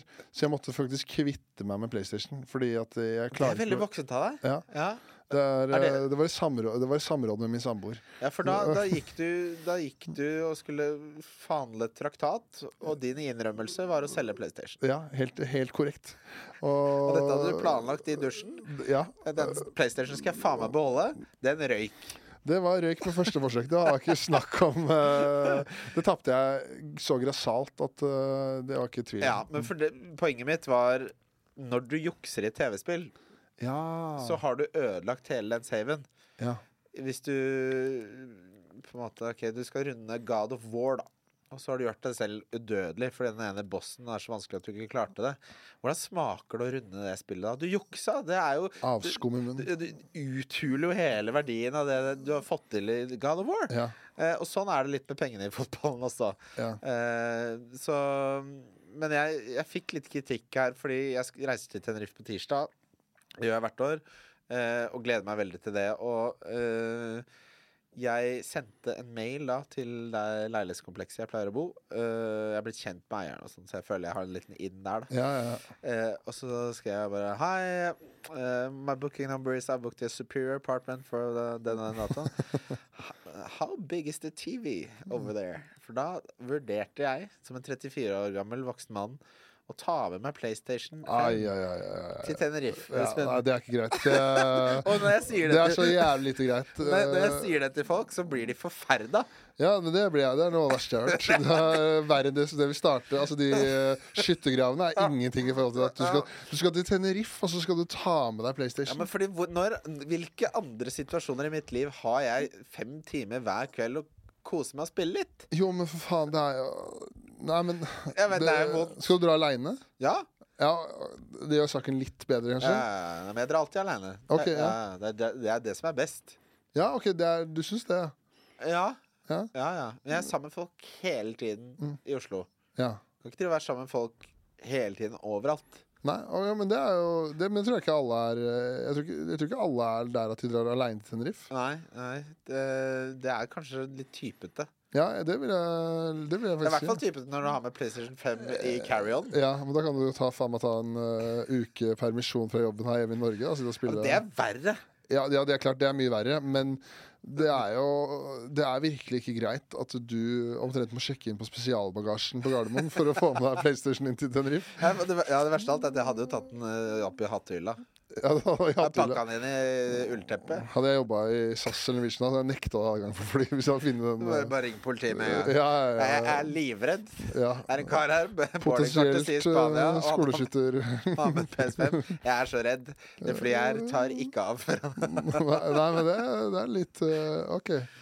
Men har du, har du, er du liksom er, altså Siden du drar tilbake til Tenerife hvert år, er du liksom blitt kjent med folk der nede? Liksom det, er en, det er liksom blitt en, din greie, da? Uh, ja, altså det som Det som er greia, er at det er alltid varmt der nå på vinterstid. Eh, det er nummer én. Og så er jeg ekstremt vanndyr, så jeg drar liksom Jeg drar på samme stedet, samme hotellet, samme rommet. Helst samme datoer. Å ja. Ja. Så jeg kjenner Jo, jeg er blitt kjent med noen på en bar der nede, men det er liksom det jeg gleder meg mest til. Vet du hva jeg sitter og gjør nå? Jeg har litt reisefeber. Nå sitter jeg og ser på menyen på The Emperor, som er min favorittkinesiske restaurant der nede. Ok. Hva er, det, hva er det første som skal konsumeres eh, på The Det Emperor? er, eh, de har en sånn uh, Szechuan beef som jeg bestiller ekstra spicy. Og så sier jeg bare Just give me two portions and I'll pay for both. But bring them on one plate so it doesn't look like I'm ordering for two. Ok. det der har du gjort før. Dette, er dette bra, Espen? Nei, det er, det er to dobbeltporsjoner med Szechuan beef og PS5 i Tenerife. Men er ikke det litt livet man ønsker å leve, leve ni netter i året, da? Jo, det er, jo, herregud. Jeg har jo det, jeg, jeg har et godt eksempel litt på det. Fordi at øh, jeg har jo to barn selv, og så var det for et par uker siden så var hadde da min samboer tatt med begge barna på hytta med noen venninner. Ja, og da det da, altså Hadde jeg vært her Jeg hadde vært på Njø og gjort noe standup på fredag, tror jeg. Så blei det litt uh, mye i glasset. Ja. Så på lørdag, det, det jeg gjorde på lørdag, som var en helt fantastisk dag, det var at jeg lå i senga fram til klokka tre. Så bestilte jeg da uh, dobbel porsjon Mækkern fra Volt. Og så fikk jeg det på døra, så flytta jeg meg over til sofaen. Og det var det jeg gjorde den dagen. Ja. For en dobbel porsjon Mækkern var det. Ja. Nei, dobbeltporsjon Mækkern, det var eh, Det var en, eh, en Big Mac-meny. Og så var det en uh, quarter pounder og fire sånn chili cheese eller noe sånt. ja, for det der, Ja, det der Det er, det er en skammens bestilling. Det er skam, ja. Ja. ja. jeg føler deg, du føler deg helt jævlig. Men hva at- gjorde du på sofaen, da? Fordi du, du, PlayStation er jo nå Borte. Den er jo innrømmet til din kone. Ja. Jeg vet ikke om dere er gift, jeg. Vi er ikke gift. Nei, til din forlov... Samboer. Ja, samboer, ja. ja, ja. Så du har rett og slett banka nedpå 20 episoder med South Park? Ja, ja, ikke ja, jeg er kanskje, Det er kanskje brannfakkel, men jeg er ikke så inne i South Park. Nei, det, ja, nei jeg, skal, jeg skal ikke tale dems sak etter å ha nettopp sagt jeg skal ta med PlayStation til Spania. Nei, ikke sant? Lar, tror vi lar det. Ligge Du kommer dårlig ut av den. Men eh, Nei, altså, det blei vel eh, Hva faen blei det? jeg, jeg, jeg er litt sånn eh, rar på det. Jeg lik, jeg liker å sitte på YouTube og se på podcaster. Ja, jo, det syns jeg. Det kan jeg skjønne. Ja, ikke sant? Så jeg, jeg, jeg, kan, godt, jeg kan godt sitte og se på en Sitte og se på podkast-episode i to timer jeg, på sofaen. Ja. Med bare følge litt med på telefonen og se litt sånn. ja, Ja, for da kan du scrolle samtidig. ja. Ja, Your Mom's House er bra på det. Tom Ja. Segura. Ja. Ja, han kommer jo snart. ja til øh, Folketeatret, ikke? Fy faen. Ja. Det gleder jeg meg til. Ja. Ja. Han kommer til Sentrum Scene. Sentrum Scene er det, ja. Det er jævlig utsolgt da for dere som får med dere at Tom Segura kommer nå. Ja. Det er synd. Dobbeltshow eh, helt eh, borte med billetter. Ja, det gleder jeg meg til. Ja. Men det, altså, men det er jo ah, Alt handler jo om perspektiv, da. Eller alt handler egentlig ikke om perspektiv, alt handler om moderasjon, da. Fordi hvis det er den femte helgen på rad du står opp klokka ett til tre, velter deg ut til Volt-sofaen din og spiser dobbeltporsjon Mækkern, Ja, ja, så har det jo null verdi lenger. ikke sant? Ja, ja. Da er det bare selvhat og selvpining du driver med der. Så du må, du må ha kontrastene. ja. Eh, Så, det, så du lever da et øh, veldig travelt liv her hjemme i Oslo til vanlig. Det er mye som skjer. Og da unner du deg de dagene i, i Tenerife. ja, det er helt riktig. Ja. Jeg har Jeg har liksom stort sett Så er jeg liksom ute av døra fra sju til ni da, hver dag, på en måte. eh, på hverdager. Altså står opp sju og kommer hjem sent. Det er mye podcaster og sånne ting. Og det elsker jeg jo. Mm. Men behovet som bygger seg opp for å spille Red Dead Redemption, hvor jeg jakter på de perfekte hjorten eh, uavbrutt, og jeg kan sette opp camp og liksom uh, sove ute i villnatta der og sånn. Det behovet som melder seg opp, blir altså så stort at eh, på et eller annet tidspunkt så blir det Altså jeg kom, Det jeg kommer til å gjøre hvis jeg liksom ikke får utløp, er jo rett og slett å dra på The Gathering i påsken, ikke sant? Ja. Nei, blir- da er det bedre med det Tenerife aleine med PlayStation. Jeg tror det er bedre. Jeg tror det er bedre. Ja. Det er sånn, der, hvis jeg hadde tre kompiser som bare Du, påsken 2023, prøve The Gathering, eller? Ja. Så hadde jeg sagt det prøver vi. Ja, du, ja, du, Ja, ja, men man må jo prøve litt. Det er lenge Ja. siden sist, da. Men jeg har bare følt det er sånn eh, Kanskje det er fra gammelt av for det var så stigmatiserende, The Gathering. At det var så mye Det, negative ikke, det, steder. det har alltid vært Ja, stigmatiserende. det har alltid vært ja, ja, ja, ja, Det kommer det alltid til å være også. ja. Ja. Og så nå har det jo blitt sånn at du må, du må kunne bygge hyller. Ja, fordi de, de får jo en tildelt plass, ikke sant? Det holder jo ikke, for de skal jo ha plass til colabrett og hva de holder på med. ja, ja. det, liksom, med Monster. ja, ja, så nå er alle har liksom Det de har gjort, er at de har gått tilbake til sin uh, sløydlærer på barneskolen. Så har de sagt du må lære meg å bygge hyller, Frans. og så har de lært seg det, og så drar de på The Gathering. Så bygger alle sånne hyller over plassen sin. Og så sitter de der da og, og drikker brus. ja. Jeg vet ikke om de spiller så mye, eller hva, hva man egentlig gjør på The Gathering. Egentlig så er det en på en måte glorifisert sløydfestival, tror jeg. ja, ok. Sløyd med litt attåt. Med litt energidrikk til. Ja, ja, ja. Ja. Men eh, det jo, du har jo skremmende mye kunnskap om eh, The Gathering. Da. Jeg har jo vært der. Og du har vært der? Ja, ja, ja. Jeg har vært der to ganger. Ja, faen, nå kommer det fram eh. Kjøre når du ser Vikingskipet i horisonten der, og colaen bruser baki og Da føler du deg hjemme. Ja, det, det stemmer, det. ja, ja, ja. Ok, ja, men det, det var jeg ikke klar over. Hva, hva var det som, hvilke spill var det som var uh... Jeg var en Counter-Strike-mann, altså. Ja, Ja, det har jeg spilt litt. Ja, det, det var liksom det som ble Det som skjedde i Ski, var at det, det har alltid vært kult i alle steder å være god i fotball og sånn, vil jeg tro. Ja. Uh, men i Ski så skjedde noe. Det her bør jo en sosial, sosialantropolog eh, forske på. Fordi plutselig ble det å være god i CS eh, kult. Ja. Så det liksom snudde helt. Så da dro vi Vi dro to påsker. Uh, ens ærend fra Ski opp til uh, Hamar for å være med på The Gathering. Uh, ene gangen fikk jeg lungebetennelse, lå, hadde feberfantasier i tre dager. Uh, husker ikke så mye. Den andre gangen så dro jeg med klanen min, fordi, som er, lag, som er laget i CS. Og vi hadde store ambisjoner og uh, krangla første dagen og spilte ikke en eneste kamp. Så jeg liksom bare surra litt rundt og, og spiste mikromat Ja. i fem dager. da Og ble kjent med Ble ikke kjent med noe da eller? nei, ble ikke kjent med deg. Du liker deg best aleine, du.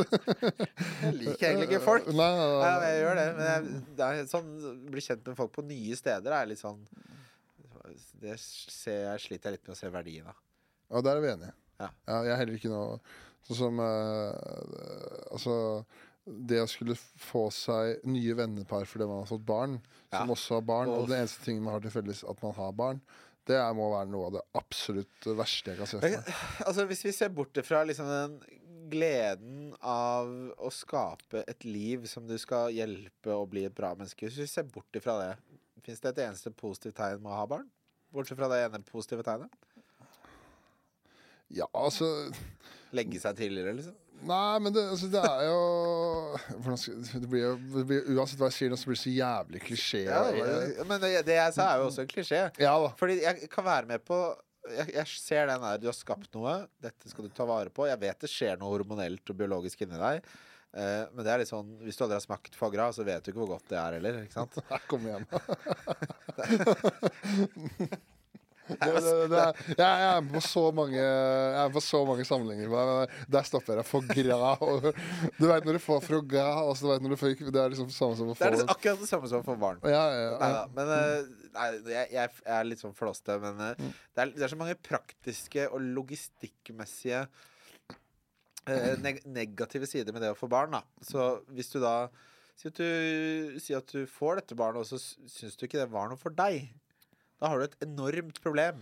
Jo, men da, jo, da mener jeg at du har litt problemer i utgangspunktet. Hvis du ikke har klart å gå en runde med deg selv og tenke 'Vil jeg ha det barnet her?' Ja. Så bare, nei, du, ja, Det kan jo bli hyggelig. La oss prøve. Da, da, Men tenk hvis du får et dårlig barn. Ja, det, det, du, det, faktisk, det får man faktisk beskjed om når man er på sånn der Ja, men jeg mener etter at de er født. De er friske.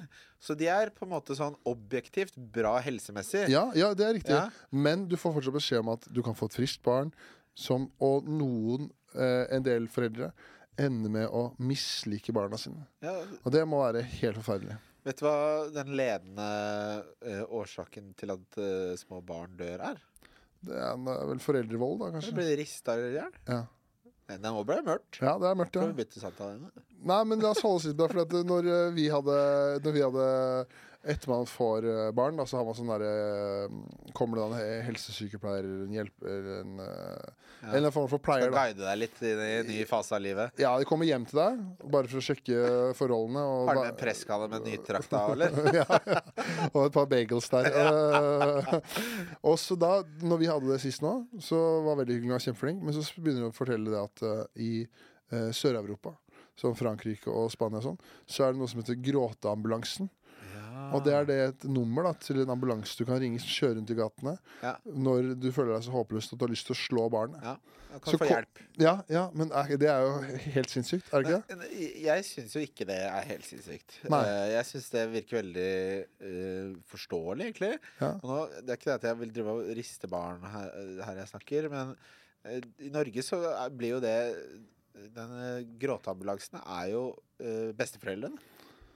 Ja, hvis, så hvis du da ikke har besteforeldre som kan være gråteambulanse, Ja. så er det jo tøft. Ikke, det fins ikke, hva skal jeg si, en setning som, eh, som, som jeg er stolt av. ja. Det fins ikke noen jeg er mer stolt eh, mer imponert av enn alenemor som har oppdratt et barn alene. Nei, Det er mest imponerende som finnes i Ja, verden. det, det er helt enig. Det er det mest imponerende som fins i verden. Det har jeg og samboeren min snakka om flere ganger. Fy faen, så imponerende. Eller en alene far. Ja. Vi Her er åpent for alt mulig. Ja. Men eh, vi har snakka om det flere ganger, at hvor Altså, hvor sinnssykt det må være. Være alene, hvis du er alenemor Hvor sterk er du da? ja, du er, er, Og de som tar sånn kveldskurs samtidig. Ja, fy faen. Jeg har, blitt, jeg har tatt uh, HR og ledelse på BE som alenemor. Ja, på det er deg de skulle sendt til østfronten, og det byrde alle?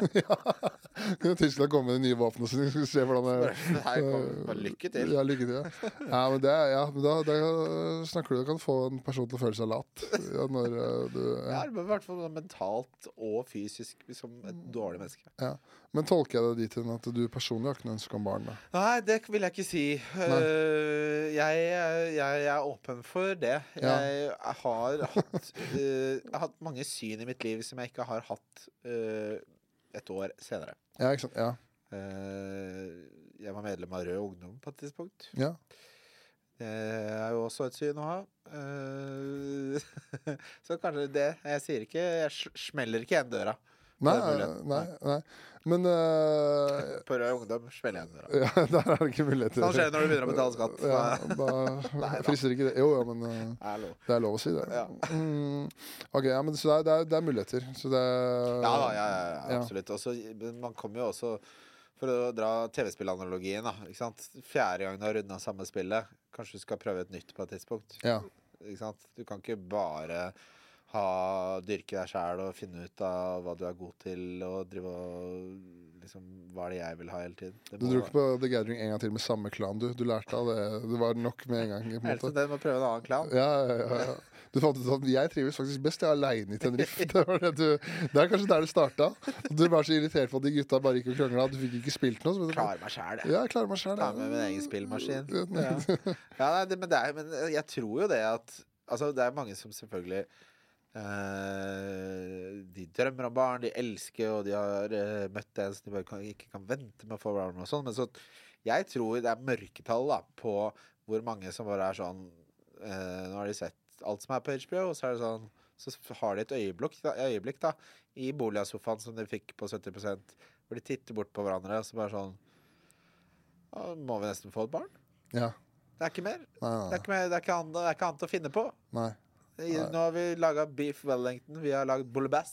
Vi har smakt for gra. Ja, jeg smakte for bra. Nå må vi lage det, det, Jeg tror det er mørketall på det. Ja, ja, men det er jeg helt enig med deg i. At det er nok uh, Men Ja, det, det er Hva skal si? Det, er så, det er jo utrolig urettferdig mot eh, det barnet, da, kanskje. Ja, men absolutt. Men veldig mange som, som får barn, er jo veldig urettferdig mot det barnet. Ja. Du burde aldri fått det barnet, fordi det handler mer om de selv enn det å ville bringe et barn til verden. Mm. Ja, det er, det, ja, det er, det er jo veldig egoistisk å få barn. Ja, ja, ja, det er ja, absolutt. Helt til det ikke er det. Ja. Ikke sant? Og det er det som er fint, da. Når du ser Når du ser sånn allværsjakkestøllinger som bare har gått rundt og tenkt på, på avtalegiro og, og plassere ting i BSU på riktig tidspunkt, og så får de en liten en, en liten uh, pode. Og så plutselig så viser det seg at eh, ja, vet du hva, de er en skikkelig god innebandy-assistenttrener, de, som er med Herman på det. Ja, Det er fint å se. ja, ja, ja det er hyggelig. Ja, Så det liker jeg. Ja, altså der, det er noe positivt òg. Ja, det, det er en annen Ja, positiv ting. ja, Men det også er jo, handler jo ikke om barnet. Det handler jo også om mannen. Nei, men det er et kan man si, et produkt da, av, Ja, ja. av barnet. Hadde det ikke vært for Herman, så hadde ikke hans flotte BSU-far som har tatt merke på Birken, han hadde ikke vært en flott innbandytrener. Så får vi bare håpe at det holder for Herman òg. Ja, ja det, det er jo et godt Der, der er du tilbake på noe lurt nå. men jeg tenkte også, for å bytte, da Men uh, du har åpenbart også en interesse av amerikansk fotball. Ja. Ja. Hvordan, uh, hvordan starta, starta, hvordan starta det? Altså Ja, da er vi jo inne på det jeg nevnte litt innledningsvis, at jeg får litt sånn oppheng i ting. Og jeg har alltid øh, Jeg har alltid vært veldig opptatt av alt med USA. Jeg liker USA veldig godt. Cheeseburgere har jeg alltid tenkt sånn Det er den beste maten. Bedre enn øh, biffen i øh.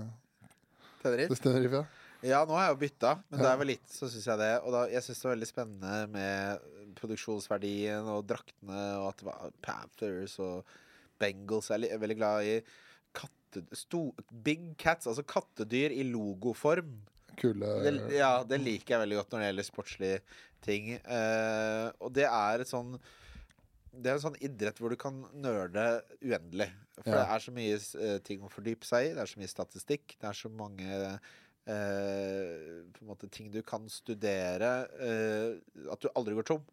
Og så skjer det noe hele tiden i løpet av året. Og i motsetning til engelsk fotball, som er eh, ødelagt av pengene, så det går ikke an i amerikansk fotball. Nei, pga. Salary cap. Ja. Uh, ja. Ja, og der, eh, det er det er en veldig sånn sosialdemokratisk tilnærming til idrett, fordi de vil egentlig at alle lag skal være like gode. Så det dårligste laget får alltid velge den beste spilleren hvert år, f.eks. Og det gjør jo at det er ikke bare Manchester United som vinner.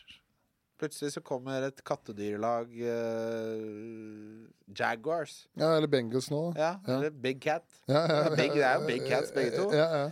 Eh, så kommer de og vinner, Mm. og det er mye gøyere. Jeg må ha litt bevegelse, da. På en måte. ja. Så uh, amerikansk fotball er dødsgøy. Anbefales. Men er det, er det Tror du da, siden du snakker om at det blir opphengt ting, er det pga. muligheten at med den statistikken Det er statistikk på alt. Er det noe med det? Ja. Ja, ikke sant? Ja. Ja, det er det. ja.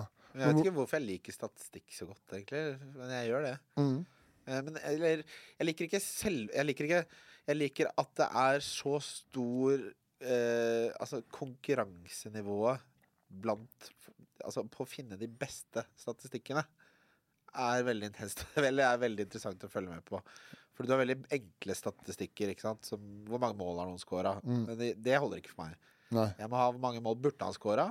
Ja. Eh, Hvor mange mål burde han skåra mot uh, skeivbeinte jeg, må- jeg må dypere i materien, da. okay, gøy. Og i amerikansk fotball så øh, er det muligheten til det uendelig. Og plutselig så er det en rankar da, som sitter i en kjeller som bare OK, den staten her, som tar hvor stor prosentandel er sannsynlig Eller hvor mye bedre det enn sannsynligheten for at han burde klart den pasningen, er han eh, når han er under press. Ja. Eh, og så, bare, så kan, si han sånn eh, Den staten viser de siste ti årene at det stemmer overens med hvor ofte han vinner. Altså det er korrelasjon mellom statistikken og, og faktisk output av hva som faktisk skjer. Det det syns jeg er veldig gøy. Ja. Nå blir, det blir nølete, men, Nei, men det eh, er, det, er jo, det er jo interessant, da. Ja. Det blir jo litt sånn eh, Hvis du tar det over til baseball, kanskje det er som Veldig likt. Ja, ikke sant? Veldig likt. Når Moneyball-filmen ja, ja, eh, og- okay, det er samme prinsippet. Ja, ikke sant? Men hvordan uh, havna Hvordan ble eh, Altså, du, du snakka om da at helt siden du har, er, eh, var liten, da. Ja. Så du har på en måte en slags eh, Vil du si at du er eh, kunnskapsrik om det? Du må jo være det i og med at du sitter og dekker det til side for VG, VGTV. Ja, Uh, ja det, vil jeg, det, det vil jeg si. Ja. Jeg, jeg har fulgt med på det siden jeg var kanskje Si, si 20 år, da. ja. Så har jeg fulgt veldig med på det, og jeg elsker jo å lese sånn artikler om taktikk, da, for eksempel. Mm. Så, og statistikk.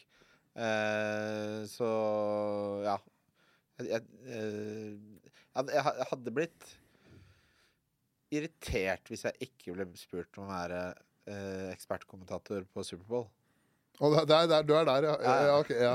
Så, du, så Er det lov å si? Ja, ja, det er eh, fint, det. Men så du må jo da men da du, har du må irritere deg inn i helvete når hele Norge blir amerikanske fotballeksperter en gang i året. Nei, det syns jeg jo det er jo kjempefint. Å, du syns det? Ja, Ja. ja, fordi jeg, ikke, jeg, har, jeg har ikke noe sånn Det er ikke rasjonering på interesse. Alle må gjerne være interesse, interesserte. ja. Eh, det som hadde irritert, hadde jo vært hvis de på en måte valgte eh, en som ikke kunne så mye, men som eh, fremstilte seg selv som at han kunne det. ja. Det, Så du blir irritert når uh, Jostein Nustrek 32 sier at han har hørt et rykte om at Patrick Mahomes er uh, en vond ankel, så derfor uh, nei, det, ja. Sett penga dine på Bengals, liksom. Nei, det, man må på en måte skjønne mekanismene i hvordan ting fungerer. da Så jeg skjønner at ikke mainstream sportsdekning av ting kan gå på det nerdenivået som visse liker. da Men på en måte balansekunsten er jo å både kunne gjøre det tilgjengelig for alle, samtidig som du trekker inn noen av disse tingene som er litt mer nerdete. Ja. Det er, det er jo det rollen til en ekspert skal være. ja. Men er det sånn, Sitter du oppe på, om natta for å se matcher i grunnserien? Nei, sånn, det, det går ikke. For jeg må, jeg må liksom prestere på hverdagene. Så jeg kan ikke Jeg må ha sju-åtte timers søvn. Men jeg bare ser det i opptak. Det Ja. fint. Jeg som sitter hjemme og ser eh, kamper, hele kamper i opptak. Ja, til tider. Men jeg er litt sånn jeg, det er viktigere for meg å lese den statistiske analysen av kampen enn å se den. Ok, ja. Ja. For det danner da et bedre bilde? Eller da, ja. Krever mindre av meg. ja. Man kan høre på en podkast om, om amerikansk fotball mens jeg leser om statsen til en annen fotball. Ja, ja, ja. ja. Men der har du faen meg nesten en uh, podkast uh, Jo, det, altså- men det, vi har en podkast om det som heter Pikkpreik. Jeg og Mattis Holt som jobber i VG, og Hedli som er eh, college-ekspert, og Odin. Så vi har en amerikansk fotballpodkast også. Og dere har det? Ja da. Okay, ja. Ja da. Så, Men det blir ikke blir, Sitter du da med liksom samme følelse som du gjør med fantasy, at du blir lei det? nei. Nei, nei, nei det Nei, for nei, det, elsker, det kan jeg aldri til å slutte å elske. Ok, Så din store kjærlighet er amerikansk fotball? Uh, ja. Det tror Altså jeg så det blir I sportsverden sportsverdenen kan man ja. Ja, kanskje i verden verden òg. Ja. Jeg tror nok det. Det Der er- slipper jeg å være programleder fordi jeg er Mattis Holt, uh, som er veldig flink. Og da kan jeg slappe av mer, da. Ja. Dukker bare opp og sier det jeg har lest, liksom. Og Ja, ja, kødder, sånn som jeg gjør med deg. Bare koser deg, liksom? Ja, men det er jo, det er, det er jo deilig, det. det er jo kjempedeilig. Ja. Hva er ditt livs øh, store kjærlighet? Utenom, utenom dama og Eh, barna dine? Nei, altså, jeg, jeg, Altså av ting som er interessant. ja, ja. Nei, jeg har jo Jeg drev jo Jeg drev tidligere spilt uh, ishockey.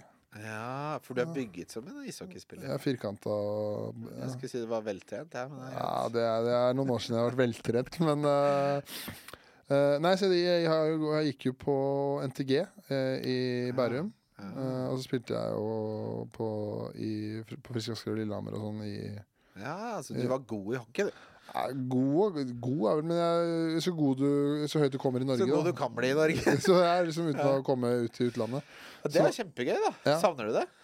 Uh, nei, jeg, gjør egentlig ikke det. Eh, det er liksom litt fordi at det, ofte det man savner, føler jeg. da Kameratskapet. man- Kameratskapet. Ja. Og jeg føler at det har jeg fått veldig i standup. Ja. Ja, så den der garderobepraten blir liksom litt der du har når du sitter backstage eller etter show. Og sånn, så det blir veldig likt, bare at i tillegg så kan man konsumere alkohol og ikke måtte tenke på at det er en kamp dagen etter. Ja, ikke sant. Og men for du kom jo øh, Altså, jeg har Jeg elsker jo standup også. Har Ja. vært ma- ma- masse, alt, altfor mye på standup. uh, og- men det er, det er mest sånn jeg, Det var sånn jeg med liksom Sånn vi ble kjent? Ja. men jeg er litt sånn Jeg har tatt med så mange kollegaer og sånn på eh, Josefines at Johnny, Legenden Johnny uh, gjør narr av meg når jeg kommer. Han bare Du er her igjen, ja? Ja, ok. Ja, det, er, det er der, ja. uh, og det var jo Jeg vet ikke hva hvor- Altså, for lytterne dine som ikke vet hvor på en måte skutt ut av en kanon det, det var nå eh, ja, Var det senhøsten, da? Hvor du hadde, du hadde liksom tre sets hvor alle bare i det standup-miljøet bare Å, fy faen, det der eh, blir noe jævlig bra. Så det kom Det er jo litt Det skjedde en liten Du hadde en liten breakout, som vi sier i amerikansk fotball. Ja, altså Du må gjerne være ydmyk nå, men det er realiteten. Nei, men altså, det er jo Ja, altså det, Men jeg føler liksom at uh, Ja, du kan i hvert fall si at uh, det har i hvert fall begynt å få noe fart på saken de Ja. siste seks månedene. Ja. Uh, Hva, hva, liksom, hva, hva var det som gjorde at det løsna nå? Fordi det, mest sannsynlig så er det jo Jeg husker hele settet ditt var bare bangers, bangers, bangers. Og det har det kanskje ikke vært før? Eller er det de samme vitsene du har uh, spikka på? nei, det er, nok, øh, det er nok nye vitser òg, men så var det også det jeg, jeg starta med standup rett før pandemien. Ja Ikke sant? Så jeg- en av de, ja. Ja, jeg var en av de som fikk en flying start der. Siste, det går an å ta sånn standup-kurs gjennom RST Crew Ja. på Sofine, og min siste nykommerkveld der satt folk med munnbind. Ja, ja. Ja, og så stenger jo landet ned et år. Og så, så, det er også det at det tar jo tid å Du har to år på å tenke på jokes, du. Ja, ikke det er det er som å sitte hjemme og har tenkt på jokes Ja. i to år. Men det, man må jo gjøre standup også, så det tar liksom litt tid å liksom få de inn. Altså Folk tror jo Eller jeg tror den oppfatningen er litt borte, men i hvert fall før tror jeg oppfatningen var Faen, disse gutta står jo bare og prater på scenen. De har Å, ikke noe plan. Ja. Lykke Eh, til med det. ja, Prøv, da. Ja, prøv, ja. Prøv det. Så kan du ringe meg og fortelle meg hvor jævlig det gikk? Prøv det. Uh, Jeg har bomba, bomba før, jeg. har, har du gjort standup? Å Ja. ja, gøy. Ja, ja, jeg har, jeg har gjort standup på prøverør på Dattera. Ja. Eh, jeg har lykkes noen ganger sammen med Jim Swan og sånn. Jeg har, jeg, har, jeg har drept et par sets. ja. Og så har jeg eh, vært elendig kanskje de resterende sju-åtte. OK. Og, eh, og for min del så skj- skjønte jeg jo altså da, skj- da skjønner du gjerne min, da, om det er amerikansk fotball, eller om det er standup, eller om det er TV-spill, eller om det er fantasy. Så blir jeg litt sånn eh, Dette skal jeg prøve å få til, liksom. Ja. Men jeg skjønte jo da at det er jo så, uh, krever så mye håndverk og så mye uh, jobbing med Altså, en ting er uh, Hvis du kunne på en måte forberedt deg hjemme Det kan du ikke. Nei, du må ikke. eh, spise dritt 40 ganger, kanskje. Ja. Noen, da. Mm. Og noen må gjøre det ti ganger. Eh, så jeg skjønte jo det heldigvis. Så da tenkte jeg ok, da bare slutter jeg å prøve på noe jeg åpenbart ikke er eh, spesielt god til, og heller lar de som har det i seg, eh, få gjøre det. Og så kan jeg se på og le. Det er ikke alle som uh, har den selvinnsikten, da. Nei, det er, det er det er mange som burde hatt det. Men, uh, uten at man skal sitte og snakke dritt. Altså Det standup-miljøet i Norge er jo i hvert fall Du kjenner det jo bedre enn meg i og med at du er i det. Men uh, det virker jo for meg som å være dødsbra. Ja, hadde, vi skulle ha jeg skal bette nå Men jeg hadde håpa på å ha med Nora Svenningsen også på fredag. ja. Og hun også var jo sånn jeg så på på showet til Martha Leivestad, hvor det var sånn Fy faen i helvete, hun der er 100 av 100 morsom. ja, ja. Uh, og så virker det som alle støtter hverandre, og det er en veldig sånn fin greie. Så det er liksom En ting er å dra mye på standup, men det er jo en grunn til det. For det virker som et jævlig fint miljø. Ja, jeg har uh, nesten kun utelukkende positive opplevelser. så er det når man er morsom. eh, ja, ja, ja, det, ja, det er klart det, det hjelper jo det at man eh, At man uh, klarer å levere en sett så blir tatt litt inn i varmen, og det begynner å flyte litt, og folk Sånn skal det jo være litt, da. Ja, jeg føler det. Skal det ikke være, skal det ikke, skal det ikke være litt sånn at man uh, Når man er god i noe og jobber hardt for noe, så Jeg tenker liksom det er Det vitner om at du har andre egenskaper som jeg verdsetter, da. Ja, det er det det handler mer om at, enn at du var morsom fem ganger på rad. Så handler det om ok, det her er det en person som ikke gir seg med det første, og som eh, videreutvikler og som utfordrer seg selv. Og det er sånn, Stort sett så vil du være en ganske god venn av. Så har dere jo selvfølgelig eksempler på det motsatte i standup-miljøet. Men sånn vil det alltid være. Ja, ja, det er sikkert drittsekker i amerikansk fotballmiljø òg. Det er ikke så mange av de. Nei? Jeg, jeg har ikke møtt en. Nei, ikke det, ah, altså. nå, for nå, tror jeg- nå skal jeg til å prøve å være litt artig, for jeg trodde du mente som snakka spillerne. Å, ja. Ja, for der er det Men eh, de som er interessert i amerikansk fotball, jeg kan se for meg at det er stort sett er veldig Ja, hyggelige det folk. er stort sett veldig bra folk. Ja, Også ja. veldig mye lærere. Er det lærere? Ja, veldig mye lærere. Jeg, noe- jeg, jeg har ikke skjønt hvorfor. Nei. Men det, og lærere er stort sett veldig men Mannlige lærere, Mm. ti av ti. Ja, bra folk. Ja, eh. det har jeg stort sett aldri bomma på. Ok. Fins unntak der òg. Ja, ja, ja. men, eh, men det er jo litt sånn For det er forskjell på Altså, Blant amerikanske fotballspillere så vet jeg ikke kvaliteten. Jeg vet bare miljøet rundt. Nei, men jeg, jeg tenkte mer på at det, var, det er jo den der gamle stereotypen eh, når Hvis en amerikansk fotballspiller som holdt på tidligere, er med på en roast, f.eks., Ja. så er det sånn derre er alltid er punchline 'don't beat your wife'. Altså Ja, ja. Det er dessverre Alle de slagene måtte gjerne gjør folk eh, litt morderiske. Ja. Det er jo et problem med selvfølgelig en sport man elsker, at eh, 2% ender opp med å drepe seg sjæl og cola. Ja, ja. Og, og det, det er kanskje Det er kanskje en overflatestatistikk som ikke interesserer deg, men det er ganske interessant å se hvor Altså hvor mye penger man tjener, og hvor mange uh, Sånn som i amerikansk fotball, da, hvor, mange som, hvor kort de er i For det første, de er i NFL. Jeg, jeg tror, er ikke det en Så vet du hva snittiden er? Nei, for. Tre år og to måneder. Tre år og to måneder, ja. Ikke sant? Snittinntekten Ja. uh, i en snittkarriere i NFL er 780 780 000 dollar. Nei, 970 000. eh, Under en million dollar. Ja. Så den store, overveldende majoriteten spiller to-tre år, og så er de ute av ligaen og har uh, ti hjernerystelser og Ja, de har tjent nok til en T-roms på Torshov, da. Ja, ja. ja ikke sant. Ja, ja, ja. Men uh, ja, for det, det vi har jo noe tall på Det er, det er enormt mange som blir uh, går konkurs og Ja, det, det der er jo Nå begynner vi å snakke, nå begynner vi å snakke litt om på en måte sosiale konstruktorer Eller ikke sosiale konstruktorer, so, sosiale strukturer. For det er noe med eh, utdanningsnivået på en som kommer fra eh, fattigere kår, da. Eh, Ja. Det er en typisk sorte spillere, ikke sant. Mm. Eh, som ikke har hatt penger. Det er klart de har en helt annen forutsetning for å kunne eh, forvalte fem millioner dollar enn det eh, mennesker fra mer velstående bakgrunner har. Så det er jo nesten utelukkende sorte ja, Andelen er jo enorm, ikke sant? Og eh, lenge så var det jo sånn Klar deg selv, ha et entourage på 50, ta vare på hele familien din. Ingen hjelper deg med noe. Hvordan skal du Det er som altså, Kast meg ut i havet og be meg svømme, da. Hvordan skal de kunne uh, forvalte så, den type verdier? Men det har det vært stor endring på. Ja. Så i alle uh, franchises nå så har de jo en egen som hjelper spillerne med Uh, å sette opp finansene, sette ting i fond. Hva er det, det? Ja, ja, ja, ja. ja, heldigvis. Så det har bedra seg. For det er, det er litt sånn derre Premisset for den tanken om at de ikke klarer å ta vare på pengene sine uh, i den idretten, er jo har et raseaspekt ved seg. Nå sier jeg ikke at du er rasistisk, men det har vært det i USA.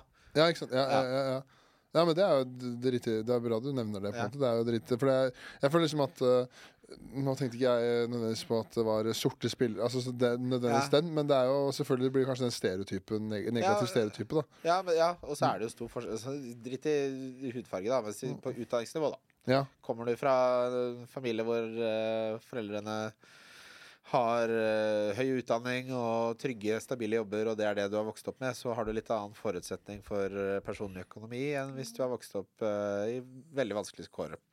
Ja, ikke sant. La oss si det så enkelt. Sånn er det i Norge også. Ja, ja, og da blir den overgangen som gjør Altså, det blir jo en enorm omveltning. Ja, det er samme lottovinnere, det. Ja, ja. Så ta rase ut av aspektet. Se på Nei, ut av Ja, se på Det er morsomt å se på britiske som vinner sånn 20 millioner pund og sånn. For der er det uten å kødde Vi snakka om uh, den femte Volt-søndagen. ja. De har bare uendelig med fish and chips-søndager. de. Ja, Det ja. er sånn at det er 20 millioner pund, hva skal vi bruke det på? Det blir fish og chips, det. Hver dag. Hver er- dag. Ja, ja. Og bare blir du ikke lei? Eh. Hæ? Mm. Det eksisterer ikke. Men jeg føler det er, liksom, det er kanskje Uten at jeg har noe bakgrunn for å si det, men jeg føler liksom det er litt sånn herre For det, uansett hvor fattig man er i, i England, da, så har du et sesongkort til fotballaget ditt. Ja, ja. Og du har er det ikke, Føler du ikke det er litt sånn? Jo, og det føler jeg er det noe av det siste gjenlevende bra med fotballkulturen. Ja. Den tilhørigheten. Og tenk deg arbeiderklassen som kjempet i Eller som jobbet i mine gruveminer, da. Altså, de hadde ikke det. De, det de hadde, var å se Oldham eh, slå Wrexham, da. Ja. Og det skal man faen meg ha dyp respekt for. ja. Og så er det jo gøy at du brukte Rexham nå, som Ja, det var det. Top of mind. Ja, ja, ja. Uh, nei, hvor lenge har vi holdt på? Ja, vi har, vi har jo kommet oss over en, en halv time. Er det noe mer du vil eh, Nei, uh, sjekk gjerne, sjekk gjerne ut Vesselstuen, Ja. hvis du vil det. Ja. Det er uh, Podkast kommer en gang i uka. Første, jeg så første episode var med Einar Tørnquist. Ja, Einar Tørnquist. Og så lagde vi med Rasmus Wold, Ja. en av mine favorittstandarkomikere. Ja. Og Thomas Aune, som bare er en jævlig fin fyr. Ja, han er jo er, han- er fotballekspert. Ja, bare, eh, han var sånn glad, fotballglad gutt. ja, Jeg vet ikke om han er ekspert, jeg tror han bare er glad i fotball og er jævlig ålreit. ja, ok. Ja, ja, Og av og til holder det. ja, ja, men det gjør det. Jeg bare har sånn herre Han har jo laga jævlig mye bra for TV2 og sånn. Ja, for jeg husker han og Kristoffer Schau var jo Nei, eh, ikke Kristoffer Schau. Alexander Schau. Alexander Schau. Ja. Ja, de har laga mye bra TV. ja. ja. Uh, ja, det Og så er det hyggelig der. ja, og så Instagram er uh, Grey hettegenser. Grey understrek hettegenser. Ja. Ja. Er det på tide å endre den, kanskje? ja, det Går aldri til å endre Nekter å gi deg. Vil du hatakke meg, så finner du ut det. Ja, øh, og så til dere øh, som er veldig gode på historie. For det jeg eventuelt tok feil om, så beklager jeg det. Uh, det her var øh, 14 år gammel universitetshusk. Øh, og litt sånn podkastinteresse. Men øh, jeg liker i hvert fall å snakke om det, så jeg håper jeg øh, ikke gjorde noen helt gale mens du hørte på. Nei, jeg syns du Ut ifra Nei, som jeg sa, jeg tror det blei fint, jeg. Ja, bra. Så, ja. Det var jævlig gøy å være med, Espen. ja, Gøy. tusen takk for at du gadd å bli med. Veldig hyggelig. Koselig. Ja, OK. Hei då.